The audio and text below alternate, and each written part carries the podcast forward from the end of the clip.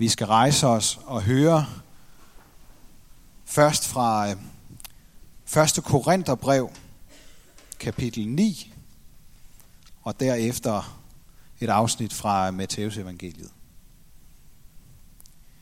Ved I ikke, at de, der er med i et løb på stadion, alle løber, men kun én får sejrsprisen? Løb sådan, at I vinder den. Men enhver idrætsmand er afholdende i alt. De andre for at få en sejrskrans, der visner, men vi for at få en, der ikke visner. Jeg løber derfor, derfor ikke hid og did, og jeg er ikke som en bokser, der slår i luften. Jeg er hård ved min krop og tvinger den til at lystre, for at jeg, der har prædiket for andre, ikke selv skal blive forkastet. Og det hele evangelium, som det står i Matteus evangeliet, lyder således. For himmeriget ligner en vingårdsejer, der tidligere om morgenen gik ud for at lege arbejder til sin vingård. Da han blev enig med dem om en dagløn på en denar, sendte han dem hen i sin vingård. Ved den tredje time gik han ud, og så nogle andre stod ledige på torvet, og han sagde til dem, Gå I også hen i min vingård, så skal jeg betale jer, hvad jeg I har ret til. De gik derhen. Igen ved den 6. Time, den 6. og den 9. time gik han ud og gjorde det samme. Ved den 11. time gik han derhen og fandt endnu nogle stående der, og han spurgte dem, hvorfor I stod ledige her hele dagen? De svarede, fordi ingen har lejet os. Og han sagde til dem, gå I også hen i min vingård. Da det blev aften, sagde vingårdsejeren til sin forvalter, kald arbejderne sammen og betal dem deres løn, men sådan, at du begynder med de sidste og ender med de første. Og de, der var belejret i den 11. time, kom og fik hver en denar. Den første kom, troede de, at de ville få mere, men også de fik hver en denar. Da de, da, da de fik den, gav de ondt af sig over, over, over for vingårdsejeren og sagde, de sidste der har kun arbejdet en time, og du har stillet dem lige med os, der har båret dagens byrde og hede. Men han sagde til en af dem, min ven, jeg gør dig ikke uret. Blev du ikke enig med mig om en denar? Tag det der er dit og gå. Jeg vil give den sidste her det samme som dig. Eller har ikke lov til at gøre, hvad, hvad jeg vil med det der mit? Eller er dit øje ondt, fordi jeg er god? Sådan skal de sidste blive de første, og de første de sidste. Amen. Jeg slår sig ned.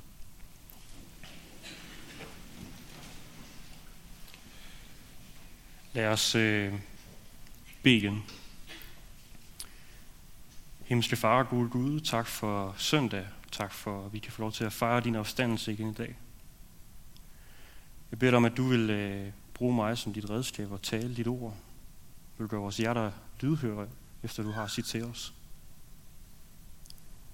Her vil du nær og tale til os. Amen. Dejligt at være her. Og det er en dejlig dag i dag.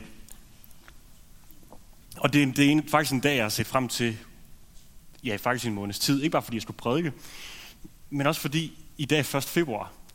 Det er ligesom januar er slut, den her lange, lange, hårde, mørke måned. Okay, der er nogen, der har fødselsdag, mine venner, så, så det gør lige, der er nogle lyspunkter her og der. Men ellers så er det januar for mig bare en måned, som skal leves igennem. Vi begyndte ligesom, eller vi havde julen for, øh, for snart en god måned siden, hvor vi kunne få lov til at fejre og ligesom søge ind i den fred, som, som, vi, som, øh, som evangeliet der lød, at Gud kom til jorden i Kristus. Og bum, så kom hverdagen bare kom slående som, som et øh, lyn fra en klar himmel. Og øh, for mit vedkommende betød det, at jeg skulle til at forberede eksamen, læse en masse sider, og ellers sidde fordybet i, en, i nogle gamle, gamle bøger i, i en mørk læsesal i en kælder på menighedsfakultetet. Så ligesom det her, det er bare en glædens dag. Det er også, solen har skinnet og lyser på og vi vende tilbage. Fantastisk. Og på en eller anden måde, eller jeg håber virkelig, at, at jeg ikke taler for os alle sammen, når jeg ligesom synes, at den her måned, den har været hård, den har været lang, og på en eller anden måde også har sat en, øh, hvad skal man sige, den har på en eller anden måde distraheret mig fra det, som var julens budskab. Det er et glædeligt budskab om, at Jesus kom til jorden. Gud kom som et menneske. Han kom som en, som du og jeg. Ikke som Gud i al sin pragt, men som et menneske i kød og blod det fantastiske budskab har, har for mig på en eller anden måde, jeg er kommet på afstand fra det. Alt ligesom går op i hverdag og eksamen og alt muligt andet.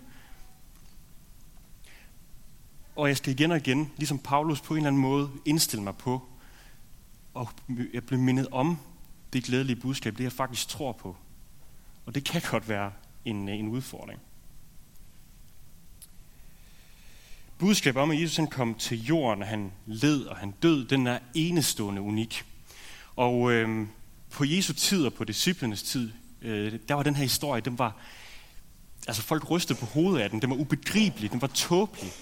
Faktisk var det sådan, at Paulus som beskriver et sted, at det var en dårskab, det her fantastiske danske ord, en dårskab. På græs, der har det, der har det betydning af, at det er noget tåbeligt, noget meningsløst på en eller anden måde. Og det er den historie, som Paulus og disciplen de går ud og forkynder. En meningsløs og tåbelig historie for dem, som står udenfor. Udenbart de her to tekster, jeg skal komme ind på, hvad det, hvad det, her, hvad det er med, med det at gøre, men de her to tekster, som vi har læst, har på en eller anden måde, kan godt virke som, de har forskellige tematikker og har forskellige moraler. Men faktisk bærer de lidt det samme formål, netop det, hvordan holder jeg mig fokuseret? Hvordan hvordan holder jeg fokus det rette sted, så jeg ikke bliver distraheret i min hverdag? Og hvilke konsekvenser har det, når jeg netop mister det her fokus? Og det er det, som vi skal prøve at være sammen om her i dag, her i aften. De første arbejdere, som vi hører, de arbejder ni timer.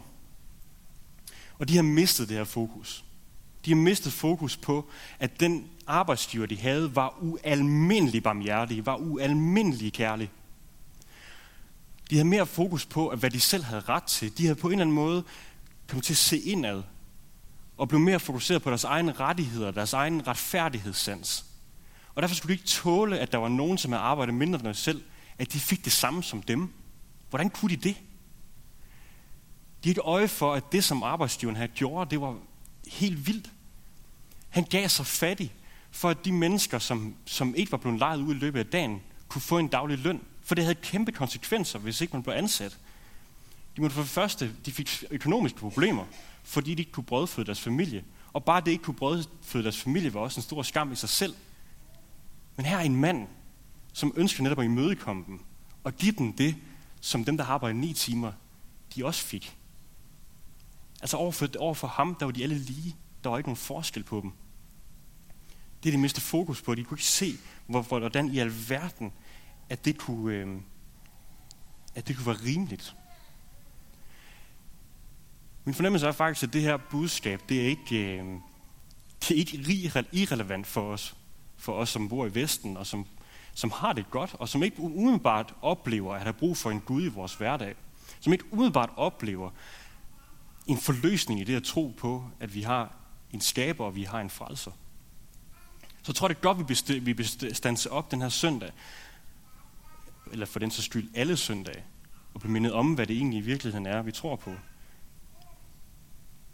Fordi når vi netop mister fokus, så kan det have konsekvenser både for vores fællesskab som menighed, fordi vi nemt kan blive selvoptaget og begynde at køre vores egne projekter, men også vores gudsforhold kan få konsekvenser, fordi vi på en eller anden måde får et forstyrret billede af, hvem Gud han i virkeligheden er. Jeg kunne godt tænke mig lige at lige lave en lille indskudt sætning her. Og lige henvende øh, mig til Søren Kierkegaard, som øh, er en af, vores, en af, en af Dan, Danmarks stoltheder. Fordi han har en fantastisk sætning. En ganske kort sætning, som jeg tror på mange måder siger noget rigtigt ind i, ind, ind i det her. Han siger, et er at digte sig selv. Et er at digte sig selv. Noget andet er at lade sig digte. Når Kierkegaard snakker om at digtning, så kunne man lige så godt også sige at skabe. Altså et er at skabe sig selv, skrive sin egen historie, forsøge at definere sig selv. Et andet er at lade sig skabe, at lade sig definere. Og der er de to muligheder, der er ikke andre. Jeg kan vælge at lade mig skabe, eller at skabe mig selv. Når jeg tror på Gud, så tror jeg også på, at han er alle ting skaber. Han har skabt alt, hvad jeg kan se, hvad jeg kan røre, hvad jeg kan fornemme, og meget mere end det. Men det betyder også, at han også skabt mig. Han har skabt mig med alt det, jeg indeholder. Han har skabt mig med alle mine, mine evner, mine kompetencer. Og han har skabt mig lige præcis, som han gerne vil have. Og netop i det, det ligger der faktisk en utrolig stor befrielse i, fordi det betyder, at jeg er fri for det. Jeg er fri for at skulle skabe mig selv, fri for at skulle definere mig selv, og hele tiden forsøge at hæve mig selv over for andre, som lige skal, kan på en eller anden måde stille mig i modsætning til, så jeg kan sige, det, det der, det er ikke mig, men noget andet er mig. Jeg er noget andet. Jeg er den her. Skal hele tiden forsøge at vise noget, for at folk kan finde ud af, hvem jeg er, og for at jeg selv kan finde ud af, hvem jeg er.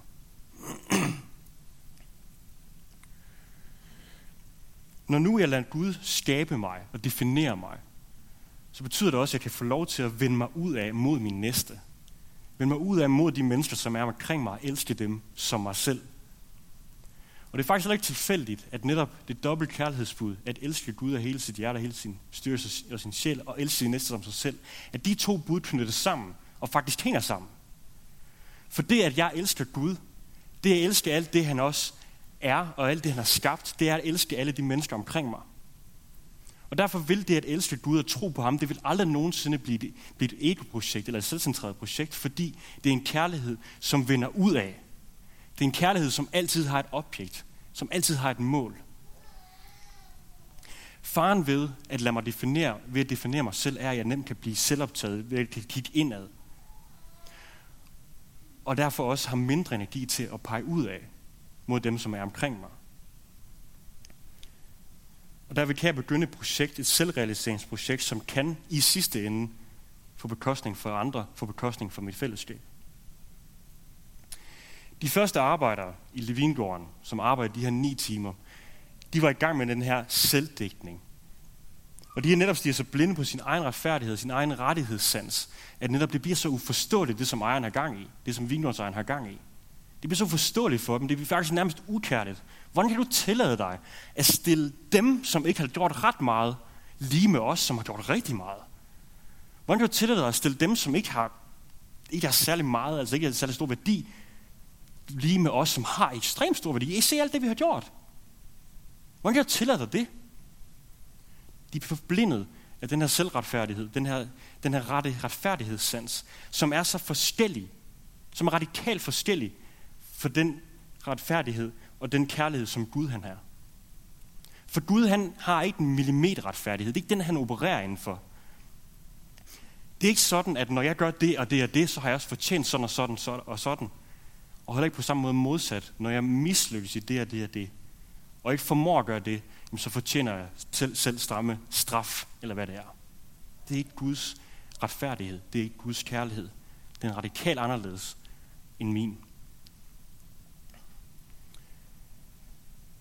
Kristendommen den handler netop om, at Gud kommer, og han giver, og han velsigner os der, hvor vi er. Han kommer til os i øjenhøjde, som et menneske julenat. Og han kommer til os til trods for vores utilstrækkelighed. Han kommer netop til os, fordi han vil os. Fordi hans kærlighed altid har et objekt. Fordi hans kærlighed altid har et mål. Dagens lignelse den handler ikke bare om nogle daglejre. Det er faktisk ikke det, der er hovedpersonen. Det er ikke dem, som, som det først og fremmest handler om. Det handler om den her vingårdsejer. I Israel, hvis man havde et, øh, et landbrug dernede, så, øh, så om morgenen så forsøgte man ligesom at få styr på, få overblik over, hvad er det for en opgave, som ligger foran os, hvor mange arbejdere skal vi have, og så sendte man tjeneren ud for så at gå ned på torvet, hvor der stod nogen, som var ledige, og så ansætte dem for dem på, til den pågældende dag. Og normalvis så forsøgte man også at undgå at gå, der, at gå der ned igen, for det kunne godt sende det signal, at man ikke helt havde styr på det. Jesus her, han fortæller en lignelse, hvor de her sociale konstruktioner, de faktisk er vendt lidt på hovedet, fordi det er det ejeren selv, der går ned. Ejeren selv opsøger dem, som han ansætter. Og han kommer ikke bare derned én gang. Nej, han er ligeglad med det image, som det sender, når han kommer derned hele fem gange. For det han ville, det var egentlig bare at møde dem, der stod dernede. Han har omsorg for dem, som ikke havde noget arbejde. Han har omsorg for dem, fordi det havde konsekvenser, hvis ikke de fik dagens løn. Konsekvenser for både dem selv, men også deres familier. Herren selv, Gud selv, går ud for at finde og opsøge sit folk, for at finde og opsøge dem, som har brug for ham. Gud er altid optaget mere end den anden, end sig selv. Gud er altid mere optaget end den anden, end han er i sig selv.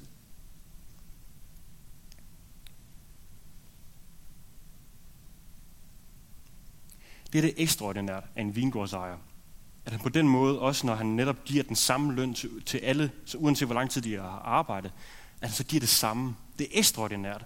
Og på en eller anden måde, så kan man forestille sig, at det vil, det vil da. Det vil da give noget respekt. Prøv at der er en, der er så barmhjertig, at han giver af sin ejendom. Han giver sig fattig, for at alle kan få det godt. Det må da, det må da give respekt. Men lignelsen fortæller noget andet. Netop at de her, som jeg har jeg nævnt før, dem der, dem, der synes at have ret, ret til at få mere end de andre, de bliver sure, de ser så blinde på, hvad de egentlig selv havde ret til. Hvad de i hvert fald selv følte, de havde ret til. Lignelsen fortæller os, at overfor Gud der er vi alle sammen lige. Overfor Gud der er der ikke nogen forskel. Vi er alle sammen skabninger af ham. Vi er alle sammen højt elskede af ham. Jeg voksede op i en kultur, ligesom de fleste nok er, af jer nok også er, hvor vi ligesom også er blevet, blevet skolet i opdraget til, at det jeg gør, det jeg præsterer, det på en eller anden måde også tegner min værdi. Allerede for tidlig tid, der er ligesom sat, sat tal på mig, karakter på det, jeg kunne. Og på en eller anden måde kommer jeg også til at definere sig selv ud fra den karakter, fordi den karakter, bundlinjen der, den afgjorde også min fremtid. Så, og det gælder om hele tiden at, komme, at være hurtigere, at være stærkere, at være klogere, for ligesom at komme frem i den her verden. Jeg bliver bedømt ud fra det, jeg gør. Og netop i uddannelsessystemet, bare lige for at tage det som eksempel, det er ligegyldigt, at jeg, at jeg faktisk er en flink fyr. Det spiller ingen rolle. Det, der spiller en rolle, det er, at der står et karakter på bundlinjen, som gør, at jeg kan komme videre. Og når nu er det netop, at vi er blevet skolet i det her, og blevet opdraget i, at det er sådan nogle gange verden hænger sammen, så har jeg jo også en tendens til, at på en eller anden måde projicere det over på andre forhold. Både over for mine venner, men så sandelig også mit gudsforhold. For nu når jeg er vant til at blive bedømt ud for det, jeg gør, hvorfor i verden skulle Gud ikke også gøre det samme? Hvorfor skulle Gud ikke også netop se på alt det gode, som jeg kan, men samtidig også se på alt det, som jeg overhovedet ikke kan finde ud af? Men dagens evangelium fortæller os netop, Guds kærlighed er så radikalt anderledes, end det vi er vant til. Det er så radikalt anderledes, end det vi er skolet i. Gud han ser ikke på dig og mig ud fra vores præstationer og ud fra det, vi evner og magter. Han ser på dig og mig som sin elskede skabning, som han ikke bare var villig til at gå i døden for, men som han gik i døden for. Han ser på dig og mig som sin elskede skabning, som han gør alt for, for at kunne opleve, for at kunne opbygge et fællesskab med os. Gud kommer, han opsøger, og han giver, og han velsigner os til trods for vores utilstrækkelighed. Og netop fordi, at Guds kærlighed den er så radikalt forskellig fra min, sendte han sin søn. Heldigvis er Gud, at Gud ikke, går Gud ikke op i millimeter retfærdighed, hvor det ligesom skal gå op i en ligning. Nej, Guds kærlighed er udadflydende. Den er langt, langt større, end vi overhovedet forestiller os. Og på grund af det sendte han sin søn. Fordi Guds kærlighed netop tvang ham til at handle. Tvang ham til ikke at sidde op i sin himmel og sidde og vente på, at vi blev gode nok til at, øh, at komme i nærheden af ham. Gud måtte gøre noget selv. Han tog selv initiativ til at oprette det fællesskab. Og det gjorde han netop ved, at han opsøgte os. Opsøgte os her, hvor vi er, ved selv at blive menneske som du og jeg. Selv fik hudknogler, fik en hjerne, fik øjne. Alt præcis som vi, som vi er, sådan var han. Han blev menneske, fuldt ud menneske, og på den måde mødte han os i øjenhøjde. Ikke som en stor, almægtig Gud, som han er, som er svært at begribe, men som et menneske, jeg faktisk forstår. Sådan kom Gud til os. Sådan opsøgte han. Ligesom vinbunden, han gik ud for at opsøge dem, som havde brug for et arbejde, i stedet for at sende en anden. Jesus er netop i det, at han er Guds søn og Gud selv. Der kom han til os og han, han prøvede alt det, det vil sige, han prøvede at være menneske, og alt det, som det indebærer at være menneske, det oplevede Gud, og det gennemlevede han. Han selv oplever at blive forladt af sine venner lige præcis der, hvor han har allermest brug for det. Og så kan man jo forvente, at, en, at Gud selv, når mennesker forlader ham og lader ham i stikken, at han bliver vred. Og ikke vil have noget med mig at gøre efterfølgende. Det vil være en naturlig reaktion. Men det er ikke det Gud, han gør. Det er ikke det, Jesus, han gør. Han går hele vejen. Han går hele vejen og vælger at lade sig, lade sig sømme fast til et kors. Og selv gå i døden og tage den straf, som det netop, som det, den straf, som vi var fortjent, når nu vi gjorde oprør mod Gud. Den straf tog han, for at vi kunne, øh, kunne være sammen med ham. Han valgte at gå i døden på det nok mest grusomme torturinstrument, som vi har haft i hele verdenshistorien. Det valgte han på grund af en kærlighed, som altid har et objekt, som altid er udrettet, som altid har et mål. Hvis ikke vi læser Bibelen og læser de historier og læser Guds handling igennem hele Bibelen ud fra den her historie om, om Jesus, Guds egen søn, der gik i døden for os, så bliver Gud selv, Guds kærlighed uforståelig. Og den kan i sidste ende blive ukærlig. Hvis ikke vi læser det i lyset af korset, lyset af Jesus død og offer for os, så bliver Gud selv uforståelig, ukærlig, uretfærdig. Ligesom vinbønderne de oplever det.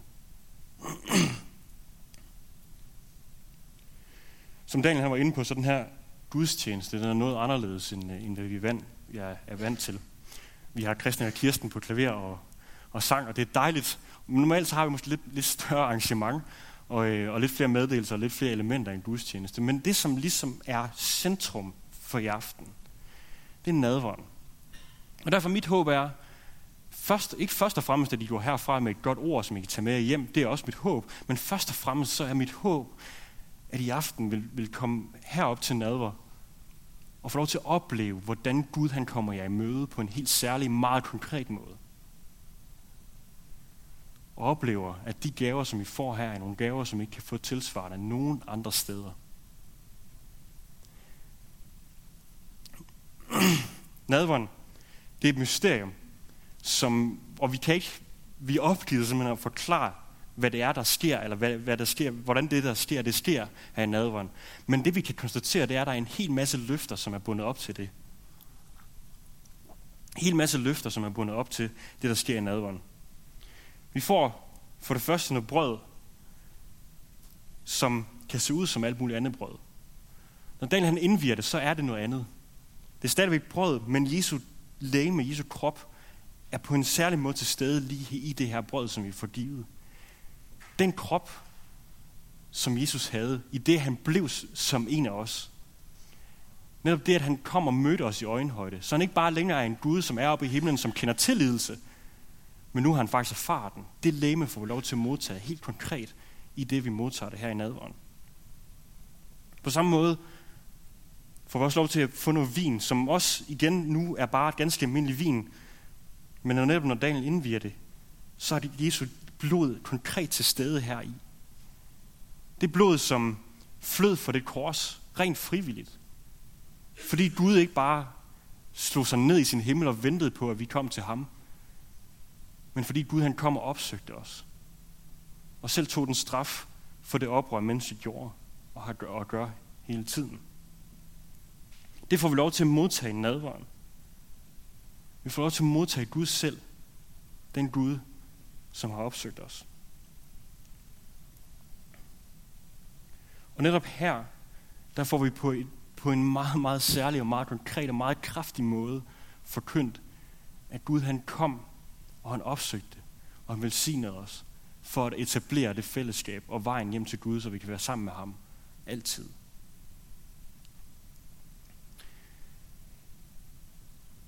I Norge, blandt andet, der har man, en, øh, der har man udvidet ritualet en lille smule, som jeg egentlig holder ret meget af. Vi gør det ikke herhjemme, og det er lidt en fejl. Vi gør det i aften, det har jeg fået Daniels ord på. Men når man netop giver brødet i Norge, så siger man ikke bare, at det der er, Jesu Kristi læme, men så siger man, det der er Jesu Kristi læme, givet for dig. Og sammen når man får, får blodet, så bliver der sagt, det der er Jesu Kristi blod, udgydt for dig. Og på den måde bliver det meget konkret, det her møde, som Gud han ønsker at etablere.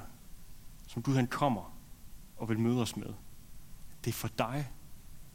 Han kommer. Han ønsker at møde dig i øjenhøjde som et menneske. Men det handler ikke kun om mig. Det er ikke kun mig, som alene går herop, og så modtager jeg noget, som jeg kan tage, tage med hjem som mit eget. Vi går op som fællesskab, som en menighed, Hvor vi netop får lov til at se, at de gaver, vi får, dem får vi alle sammen. Og når vi står over for Gud, så er vi alle, alle lige. Om du føler, at du egentlig har styr på din hverdag, styr på dine ting, og du egentlig er et ganske godt menneske, så kom herop, du er velkommen. Og her vil Gud møde dig, og han vil på en helt særlig måde forene sig med dig. Men omvendt, hvis du netop føler, at du ikke kan leve op til det, som du måske burde, så kom herop og få det, som Gud han giver dig. Netop det, at han forener sig på en særlig måde med dig. Så du ikke bare længere lever selv, men lever sammen med ham, i ham. Jeg tror på, at nadveren faktisk er et sted, hvor vi kan få lov til på en særlig måde at blive indstillet. Hvor det fokus, som, som let kan klippe i hverdagen med oven på eksamener og arbejde og alt muligt andet, at det kan blive indstillet igen. Fordi her kommer Gud til os konkret. Her får jeg lov til at se, smage, at Gud, han har, han, det er ham, der definerer mig. Han, han giver mig lov, jeg, jeg får lov til at lade ham definere mig. Lad ham skabe mig. Og han har allerede gjort det. Når bekræfter det, at jeg, at jeg i dåben blev hans barn, blev hans ejendom.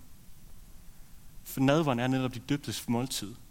Her er vi sammen som døbte, som Guds børn, som Guds store familie, kan få lov til at tage del i det her glædelige måltid, den her glædelige begivenhed, at Gud kommer til os i øjenhøjde, i kød og blod, og giver sig selv til os.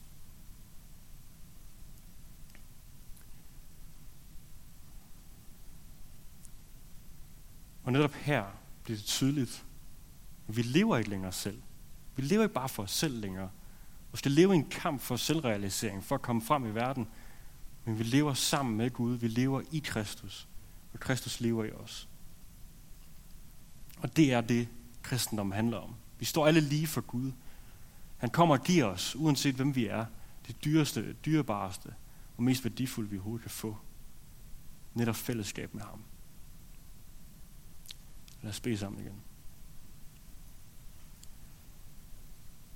Himmelske far, tak, at vi kan kalde dig far, at du ikke blev siddende hjemme i din tronsal og ventede på, at vi opsøgte dig, men du selv kom i kød og blod, som et menneske som vi.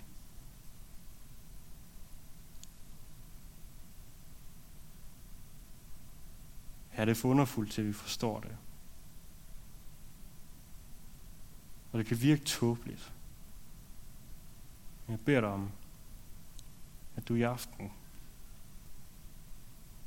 vil gøre det klart for os igen, hvad det her det betyder.